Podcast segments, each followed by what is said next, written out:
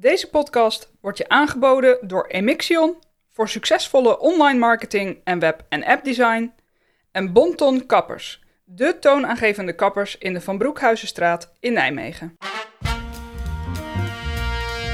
Dit is In, de podcast. Met Raymond Jansen.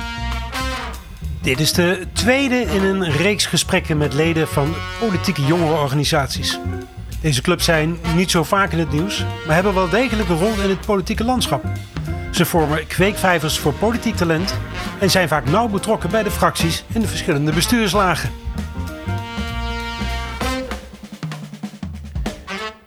In deze tweede aflevering praat ik met Joost Langhout. Hij schuift aan als voorzitter van het CDJA Gelderland, de jongerenafdeling van het CDA. En ook aangeschoven is Nicole Dik, bestuurslid politiek van PINK, de jongerentak van de Partij voor de Dieren.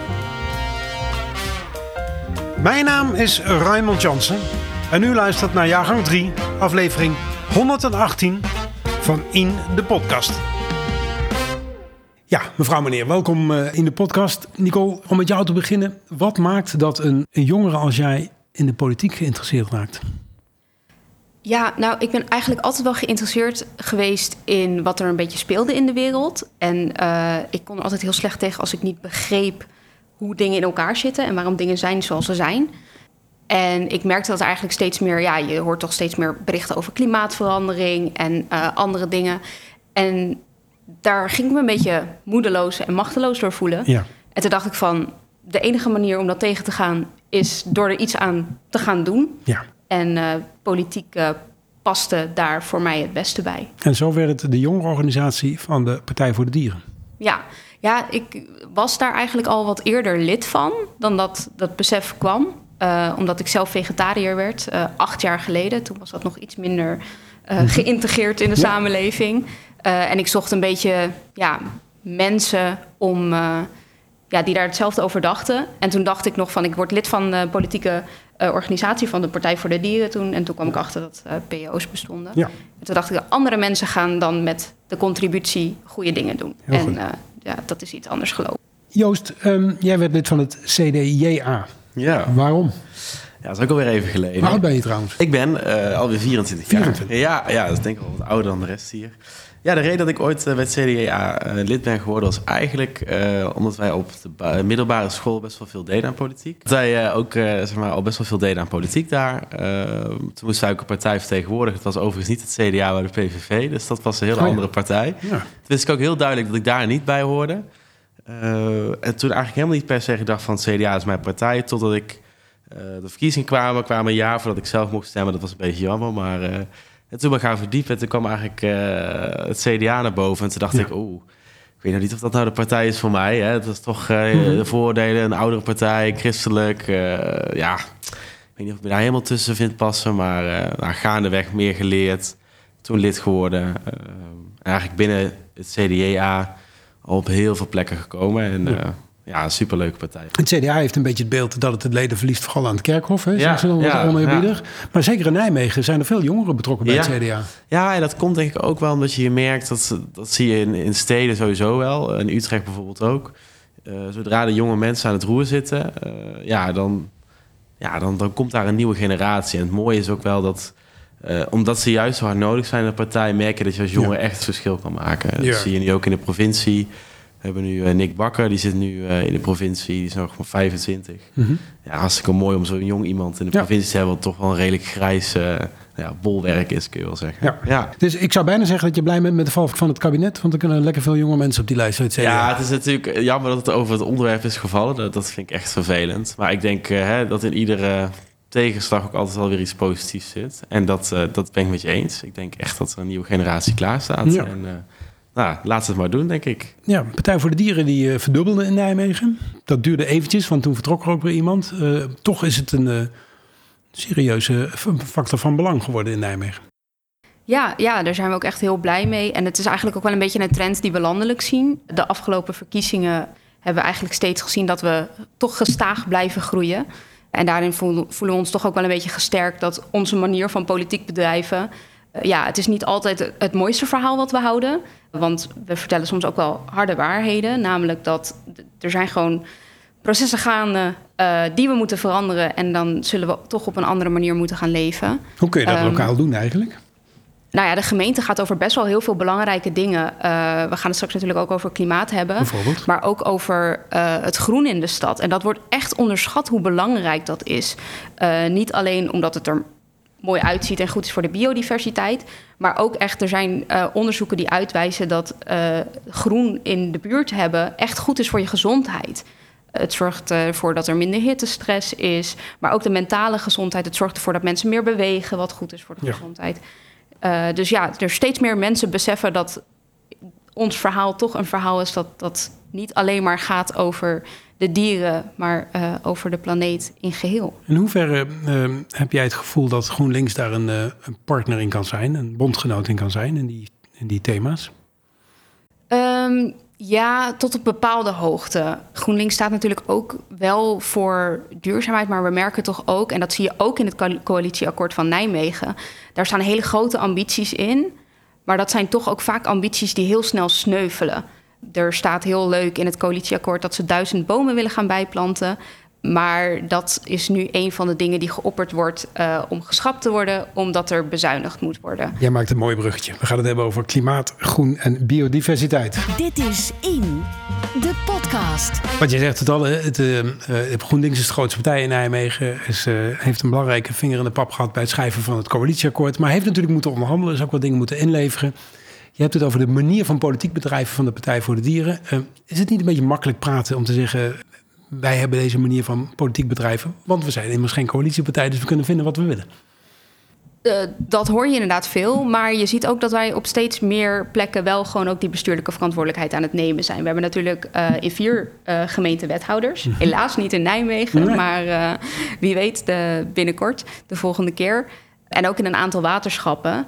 Eh, en dat is eigenlijk ook wat ik eerder zei. Er zijn gewoon wel steeds meer mensen die beseffen dat het verhaal wat wij al twintig jaar roepen, eh, dat daar toch wel wat in zit.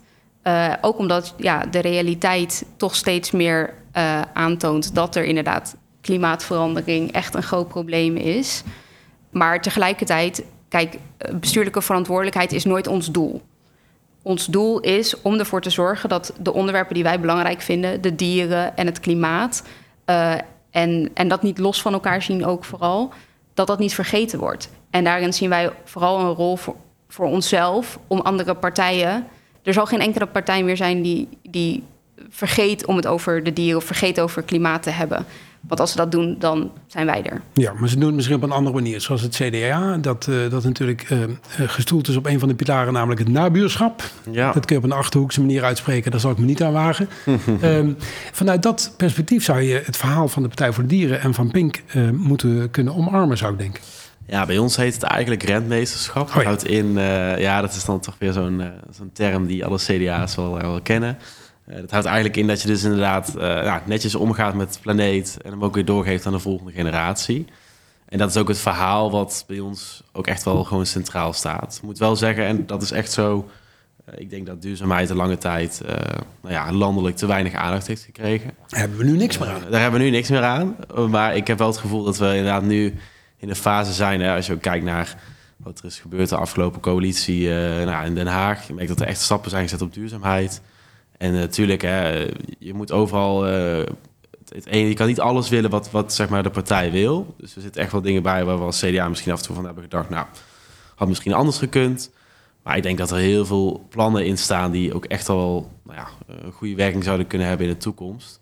En ik denk juist dat het heel belangrijk is, en dat is wel echt iets wat wij proberen te presenteren, is doe het met elkaar. Weet je, ook met, met Ja. boeren, weet je, ga- plak plak er geen label aan van ze zijn per se tegen het milieu. Nee, ze zijn juist ook heel erg begaan met het milieu, want als ze dat niet doen, dan heb je geen oogst, weet je wel. En dan verliezen ze geld. Dus er zit, Ja, ik ben gewoon heel erg van het compromis sluiten en het met iedereen doen. Nu En- hebben, en we- nu hebben is iets, Nijmegen eh, natuurlijk eh, we- weinig boeren, dus eh, die, die hoofdpijn Ja. hoeft de coalitie ja, niet dat, te daar hebben. hebben ze, hebben ze die zin wel geluk mee. Nicole die noemt zojuist die duizend bomen per jaar. Ehm, dat is toch symboolpolitiek? Wat vind jij? Ja, ja weet je, kijk, eh, ik bedoel, eh, bomen zijn natuurlijk wel goed om de hittestress tegen te gaan. Eh, dus in die zin, kijk, ik ben wel voor dat we gewoon de natuur de ruimte moeten geven. Maar ja, er zijn ook heel veel andere opgaves die we hebben in de stad. Hè. Je hebt natuurlijk ook het woningprobleem. Ja, gaan het straks dat over hebben. Dat is ook echt een ding wat, wat een rol speelt. En ja, ook de veiligheid van de stad zelf natuurlijk. Kijk, je kan wel 15 bomen in, in de straat planten, maar als je daardoor nou ja, niet meer veilig eh, kan oversteken, dan zit je natuurlijk ook met gebakken peren. Maar ik ben wel mee eens als je kijkt, in ik woon over vlakbij het Goffertpark, je ziet daar gewoon ook echt de droogte. Je ziet dat daar, eh, nou, zeker in de afgelopen tijd, was, uh, geloof was een maand geleden of zo, hadden we de langste periode bijna die dat droogte was ooit. En als je dan kijkt op straat, het is gewoon echt kurkdroog. En dan helpt, helpt zo'n boom natuurlijk enorm bij de schaduw. Alleen ja, ik denk wel dat je heel erg moet kijken van nou, waar wil je zo'n boom planten en kan het op een goede manier. Oké, maar terug naar het coalitieakkoord. Hè? Hoe vind je dat het gaat? Uh, ja, dus niet zo goed als uh, we gehoopt hadden. Um, en die duizend bomen zijn daar één voorbeeld van. Um, sowieso vonden we dat al een beetje een, een dubieus iets. Want ga je duizend bomen planten, maar ergens 2000 bomen weghalen. Ja, dan heb je er ook niet zoveel aan. Maar het is natuurlijk ook, er is um, recent ook een uh, bestemmingsplan vastgesteld. Ik ben heel even de naam kwijt. Waar er gewoon drie hectare groen gaat verdwijnen. Maar tegelijkertijd wordt er wel over de 330, uh, 300 uh, regel gesproken. Dus dat je ja. minimaal uitzicht moet hebben op drie bomen, 30% schaduw moet hebben en op 300 meter een park of natuurgebied moet ja. hebben. En dat, dat is gewoon echt, dat is een stelregel die ook gebaseerd is op wat ik eerder zei: gezondheid, ja. tegen hittestress. En dat zijn dan gewoon dingen die wij heel moeilijk te rijmen vinden met elkaar. Ja. Is dat niet ook heel moeilijk te rijmen met een uh, met infrastructuur die al uh, de honderden jaren bestaat, uh, die je niet zomaar aangepast krijgt op de manier zoals jij die zojuist schetst? Ja, ik denk dat er innovatieve manieren voor nodig zijn. Ah, daar van... is die weer. Innovatie. Vertel. Ja, ja, dat is inderdaad natuurlijk wel een beetje een, een misschien een leeg begrip. Maar uh, je, je ziet nu heel erg dat er gekeken wordt naar uh, natuur-inclusief bouwen, noemen ze dat. En dat is eigenlijk een soort verzamelbegrip waarbij je op heel veel verschillende manieren kan, ervoor kan zorgen dat er groen soort van geïntegreerd wordt in je gebouwen. Dus maak groene daken, groene gevels. Zorg ook dat bijvoorbeeld de ruimte is voor vogels en vleermuizen om te nestelen. Want die verdwijnen nu uh, heel erg in de stad. En je hebt dat hele ecosysteem nodig. Want anders kan je wel ergens een leuk grasveldje aanleggen. Maar als je niet het systeem hebt om dat in stand te houden en mooi te houden, en dan heb ik het er niet over dat de gemeente het constant plat maait, want daar heb je ook niks aan. Ja, dan, dan heb je niet het groen wat je nodig hebt in een Tot stad. Tot zover wat mij betreft de ideologie, want die is wat jou ook wel duidelijk uh, um, waar jullie voor staan. Nu de realiteit, want er, moet, er ligt een bouwopgave, er moeten woningen gebouwd worden. Epel Ranshuizen, GroenLinks raadslid, die zei ooit... Uh, politiek is meer dan alleen maar die bomen. Die had er blijkbaar al genoeg van in de discussie. Hoe verhoudt het idealisme zich tot de politieke realiteit wat jullie betreft? Nou ja, het is voor ons vooral dat je die afweging niet moet vergeten. En ook het belang dus van uh, die onderwerpen ja. die wij dan aandragen niet moet vergeten. Zegt wethouder, er... ik heb er goed over nagedacht, ik doe het niet. Ja, als, je, als het hard gemaakt kan worden, dan zijn wij daar wel bereid over, over te praten. Maar er wordt nu echt te makkelijk over gedaan. En ook dus te makkelijk vergeten hoe belangrijk gewoon dat groen is. En ja. ook... Uh, want ook, het is natuurlijk het klimaat, groen, uh, biodiversiteit.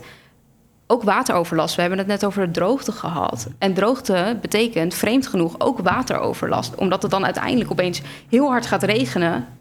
En de stad kan dat niet aan. Een ander kopje in het coalitieakkoord waren de zero-emissiezones. Um, sommige auto's mogen sommige delen niet meer komen. MKB'ers, toch ook voor een deel de achterban van het ja, CDA, ja, CDA en ja, CDA. Die zijn daar niet blij mee. Ja, dat, dat, ja, ik ben zelf altijd... Dat vind ik echt typisch zo'n zo'n regel. Dat, is dat je sommige steden hebt dat je 30 kilometer mag rijden. En daar ben ik dus gewoon echt persoonlijk echt best wel op tegen. Want ik denk van ja... eh, In de ideale wereld is het zo dat we alles zo kunnen inrichten... dat ja, je de behoeftes van mensen kunt beïnvloeden op een manier... dat hè, bijvoorbeeld auto's niet meer nodig zijn in de binnenstad. De realiteit is echt... eh, Je moet wel iedereen mee kunnen laten doen. En volgens het CDA en het CDA hebben we heel sterk het gevoel... dat als je zoiets invoert dat je daarmee een bepaalde groep buitensluit. Uh, Zero-emissiezone klinkt heel interessant. Maar als je gehandicapt bent en je hebt een aangepaste benzineauto... want dat zijn ze toch vaak nog... nou ja, dan kom je die stad gewoon niet meer in. Maar zo kun je toch voor elke maatregel een, doel, een groep eh, bedenken die, die er een nadeel van, van vindt. Ja, ja, en ik vind dat je moet ook de keuzes durven maken. Alleen ik denk wel, zie je ook aan de versmalling van de Graafse weg. Klinkt heel interessant. We gaan hem versmallen, want dan rijden er minder auto's. De realiteit is gewoon dat de stad helemaal vol staat met file. Uh, ik denk dat we gewoon moeten kijken van, nou, uh, hoe kunnen we hem zo inrichten dat... En ik ben het er ook mee eens, uh, auto's ook voor uitstoot. Probeer ze zoveel mogelijk rondom de stad te laten rijden. Dat kan ook echt. Dat zie je bij de Energieweg ook. Daar, dat loopt echt wel goed daar. Maar zorgt er ook voor dat nou iedereen wel de stad moet kunnen betreden. Inderdaad ook, hè, ondernemers. Ik sprak laatst met iemand van DHL, die zei ook... Ja, we hebben onze busjes, uh, we hebben elektrische busjes voor in de binnenstad... en daarbuiten nou ja, hebben we gewoon de benzinebusjes. En dat werkt eigenlijk best goed. Dus het kan wel. Alleen je moet wel zorgen dat iedereen mee kan doen. Dat is denk ik okay. het belangrijkste. Dit is In, de podcast. Ja, het viel net ook al even, de woningbouw en de woningopgave die we hebben. Uh, hoe is het eigenlijk gesteld wat jullie betreft, wonen in Nijmegen? Ja, dat, uh, daar zijn natuurlijk wel wat, uh, wat dingen over te zeggen. Hè? ik moet zeggen dat Nijmegen is een hartstikke fijne stad om te wonen. Alleen zijn er heel veel mensen die dat ook vinden. En dat zorgt ervoor dat we hier eigenlijk wel echt een tekort hebben aan woningen. Uh, je ziet wel dat de coalitie erg aan het kijken is naar waar kunnen we eventueel woningen neerzetten. De winkelsteek is natuurlijk ook al genoemd. Uh, persoonlijk zijn wij als CDA en ook mij betreft wij als jongeren daar echt op tegen om dat te gaan bouwen. Je zit daar midden tussen de industrie. Uh, die plek is nooit bedoeld om woningen neer te zetten. Um, en dan hebben we ons heel druk gemaakt over de asfaltfabriek in Hees. En dan gaan we volgens nieuwe woningen neerzetten. Naast uh, allerlei industrie die daar eigenlijk helemaal niet op zit te wachten. Lijkt mij een heel slecht idee. Ik dat je veel beter moet inzetten op uh, station Dukenburg. Daaromheen veel gaan bouwen. Uh, Triavium. daar kun je echt wel wat, wat, dingen verzinnen. Dat daar misschien wat meer hoogbouw plaatsvindt. Maar daar halen we het niet mee, hè? Er moeten zoveel woningen Nee, ja, en er zijn ook heel veel andere plekken waar we nog kunnen bouwen. Ik, ik zit ook te denken aan stationsgebied. We gaan natuurlijk helemaal omgooien daar ja, hoe mooi zou het zijn als daar een paar mooie woontorens komen. Ja. Um, ja, dan hebben we ook weer het probleem van de stikstof bijvoorbeeld. Nou, ik wou zeggen, dan dat... kijken we met een uh, schuin oog naar de provincie Gelderland... waar ja. toch ook een gedeputeerde uh, zit die uh, lid was van jouw partij. Ja. Um, vanuit, vanuit Arnhem moet er ook een boel komen. Ja. ja, dat klopt helemaal. Dat is het, vanuit het CDA hebben we het, hebben we het eigenlijk een plan bedacht... om bij iedere... Daar is Hugo de Jong heel druk mee bezig. Maar ja, dat is natuurlijk de vraag hoe lang hij daar nog mee bezig is. Ja.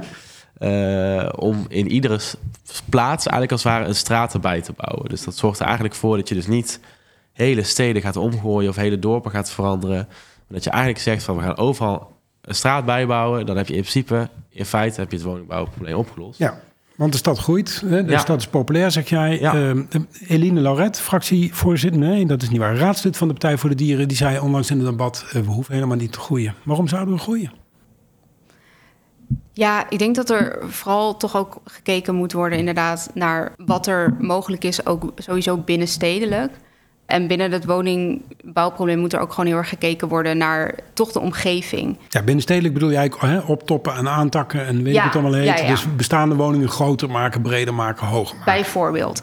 En uh, waar de Partij voor de Dieren en Pink daarmee ook uh, heel erg voorstander voor is om dan vooral te kijken naar van oké, okay, waar liggen de, de OV-knooppunten? Uh, want uh, een groot probleem wat je toch ook vaak binnen steden ziet, is dat dan wordt er wel, willen ze een flat neerzetten, maar daar zitten parkeernormen aan vast. Mm -hmm. En dan moet je ook heel veel ruimte gaan besteden aan die parkeerplaatsen. En ja. wij zeggen van ja, laat dat dan los. En zorg ervoor dat het goed bereikbaar is op andere manieren.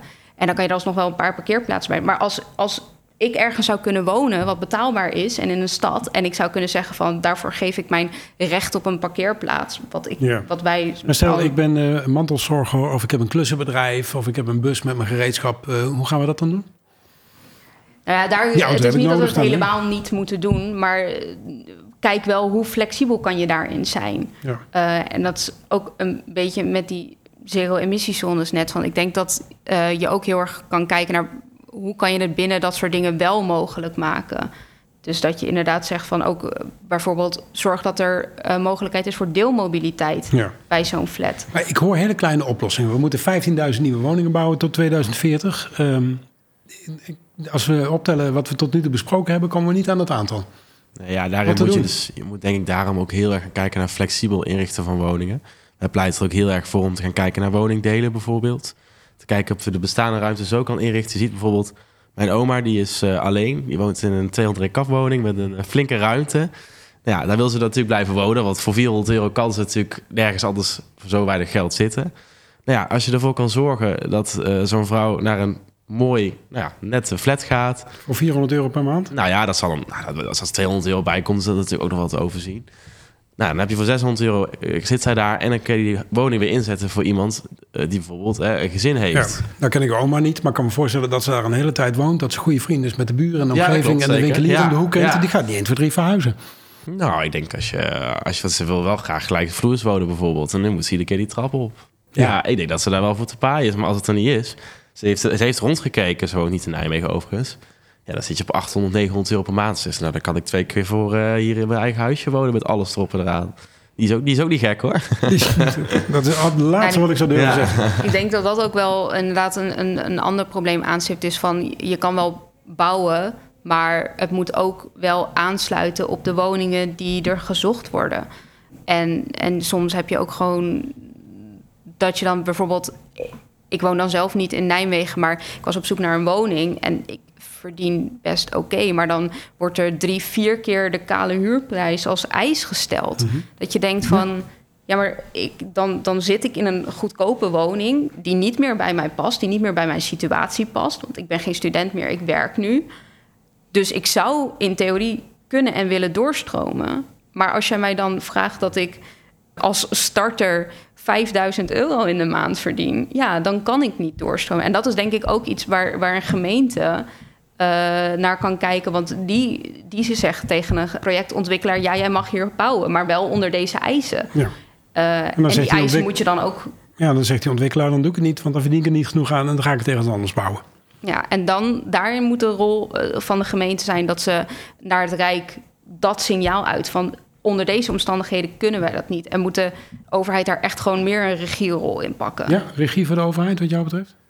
Nou ja, ik denk wel op zich dat... eh we zijn met het CDA eigenlijk altijd van het midden. Hè, dus we proberen eigenlijk altijd te kijken of we nou ja, met elkaar in het midden uitkomen. Ik denk echter wel, eh, het tekort is zo groot. En dat, dat zie je ook in het beleid van Hugo de Jonge. Hij is best wel... Hij is best wel streng eigenlijk tegen al die projectontwikkelaars. Je ziet nu ook dat de grote Canadese vastgoedgigant... gaat vele huizen hier in Nederland verkopen... omdat het niet meer rendabel is. Nou ja, ik heb wel zoiets dat ik denk... ja, als daardoor mensen voor minder geld kunnen wonen... is het natuurlijk idealistisch. Ik weet niet of het ook zo daadwerkelijk zo uitpakt. Hè? Dat is altijd maar de vraag. Maar ik denk wel dat het nodig is als, het, als nood aan de man is... om dan ook iets meer te verwachten van de overheid. Dat betekent niet overigens dat ik vind dat de overheid altijd de persoon is die het moet oplossen. Ik denk juist dat je ook moet kijken of je het ook met ondernemers bijvoorbeeld samen kan oplossen.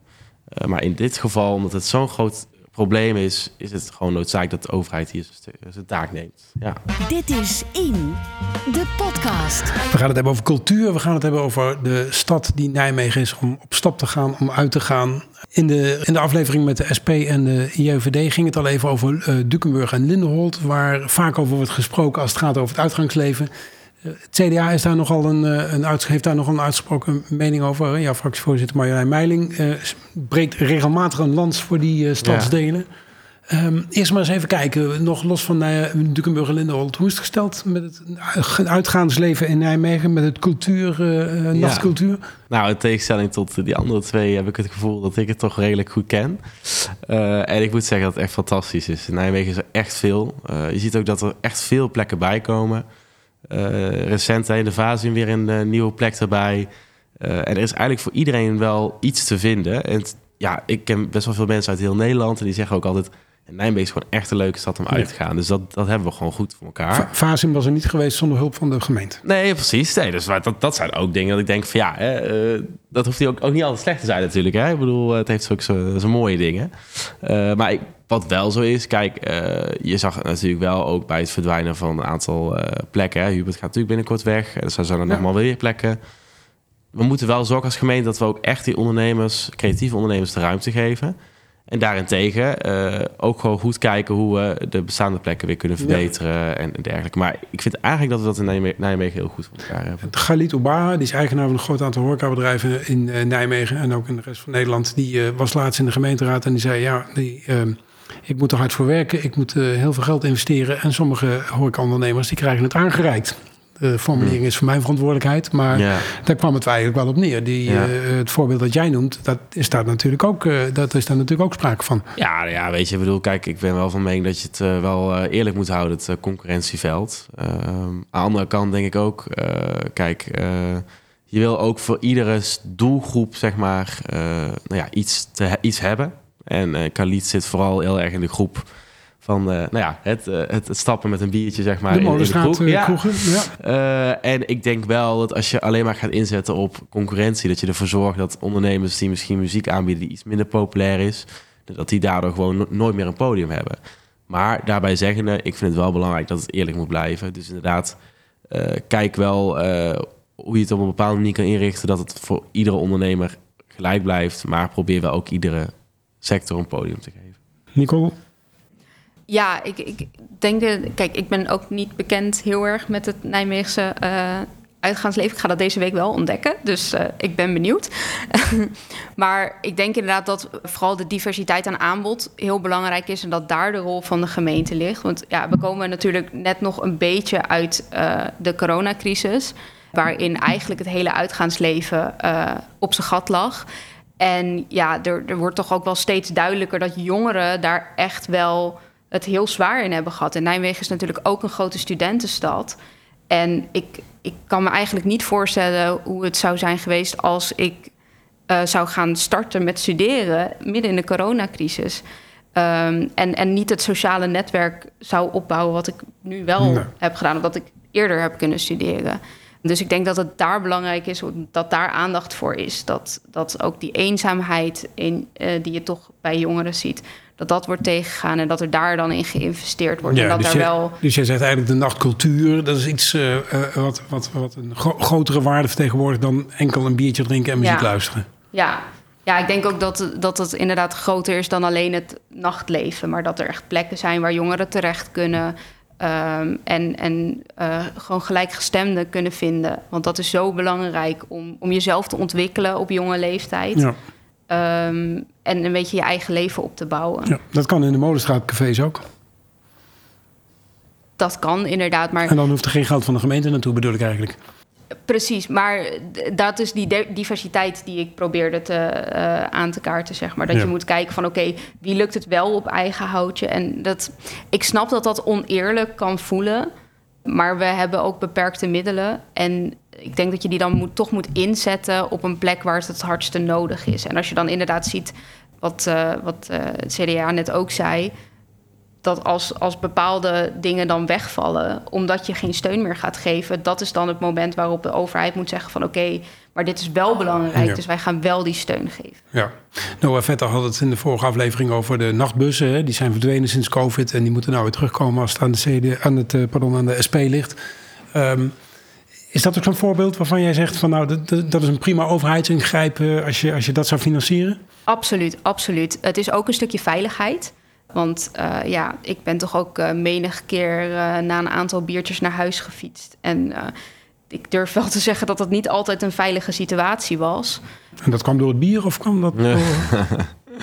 ik geef het bier de schuld. Ja, dat zou ik ook doen. um, dus ja, dan, dan is een nachtbus wel gewoon een, een heel goed middel om ervoor te zorgen dat iedereen uh, veilig thuis komt. Ook dat, kijk, als vrouw s'nachts veilig over straat lopen is ook niet altijd een gegeven. Nee. En als je dan in een bus kan zitten waar er gewoon ook een buschauffeur bij zit, um, is dat toch ook een stuk veiliger en prettiger om naar huis te gaan. Zijn de christendemocratische jongeren ook uh, voorstander nou, van de wel, nachtbus? Het is wel leuk eigenlijk je het aanhaalt, want wij hebben in de campagneperiode ook een, uh, een eigen nachtbus gedaan. Uh, dat is wel grappig, hadden een soort van binnenactie aangekoppeld. Dat was eigenlijk wel heel leuk. Toen hebben we een busje gehuurd. Dus toen hebben we een aantal gasten van uh, was het beneden Leeuwen naar Nijmegen en weer teruggebracht. Dat was een hele leuke actie. Zo ondersteunen die van harte. Denk echter wel, kijk, uh, ik zou niet lukraak zeggen... oké, vanaf morgen staat er weer een bus van, uh, zeg het, Doetinchem naar Arnhem of zo. Nee, zij wel gewoon goed naar gaan eerst inventariseren... waar is behoefte, uh, waar liepen die bussen goed in die tijd... en kijk even ja, hoe je het zo rendabel mogelijk maakt. Je, hoeft er niet, kijk, als er wat geld bij moet, is dat natuurlijk geen probleem. Want het gaat inderdaad ook om veiligheid. Het gaat ook om die, een stukje dat die jongeren weer uh, nou, laten kennismaken met het uitgaansleven wat ze misschien nooit hebben gehad. Uh, maar aan de andere kant moeten we natuurlijk wel zorgen dat het wel enigszins te betalen blijft, zeg maar. Tot slot, de, de politieke ambities van uh, mijn gasten van vandaag. Nicole Dik, ben jij binnenkort op enige lijst uh, te betrappen als, jij, als er weer verkiezingen komen? die kans zit er denk ik wel in. Nu zijn er al vrij snel verkiezingen. Ja, dat is misschien wel een beetje enthousiast. Uh. Maar waar moet ik aan denken?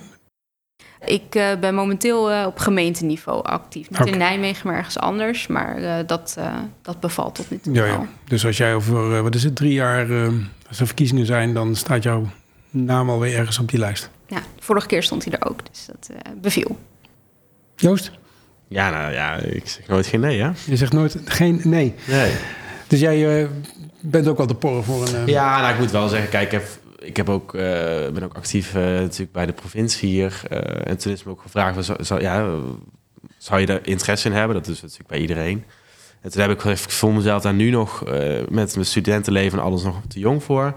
Maar ik ga ook richting die werkende fase. Ik denk dat het dan beter bij me past. Dus inderdaad, ik wil ook wel veel vlieguren maken. Want ja, ik heb nooit echt in de raad gezeten of iets dergelijks. Dus ik vind ook wel dat je dat eigenlijk moet hebben voordat je echt zeg maar, op een goede plek kan staan. Maar ja, politiek is toch iets wat me altijd blijft trekken. Dus uh, we, weten, we weten nooit. Hè? dank jullie wel. Rest mij je te wijzen op een opiniestuk van oud-gedeputeerde Jan van der Meer. Hij laat zijn licht schijnen over de samenwerking tussen zijn partij GroenLinks en de Partij van de Arbeid. Te vinden op onze website indepodcast.nl. Net als de wekelijkse column van Vincent Kantrijn natuurlijk. Die staat er vrijdagmiddag weer vanaf 4 uur om precies te zijn. En dit was aflevering 118 van In de Podcast. Redactie en productie waren in handen van Rob Jaspers en mijzelf. Ik ben Raymond Jansen. Montage en audionaarbewerking Thijs Jacobs. En heb jij nou vragen aan ons, klachten, opmerkingen, loftuitingen? Het kan allemaal naar redactie.indepodcast.nl En volgende week, dan is er weer een In. Dit is In, de podcast.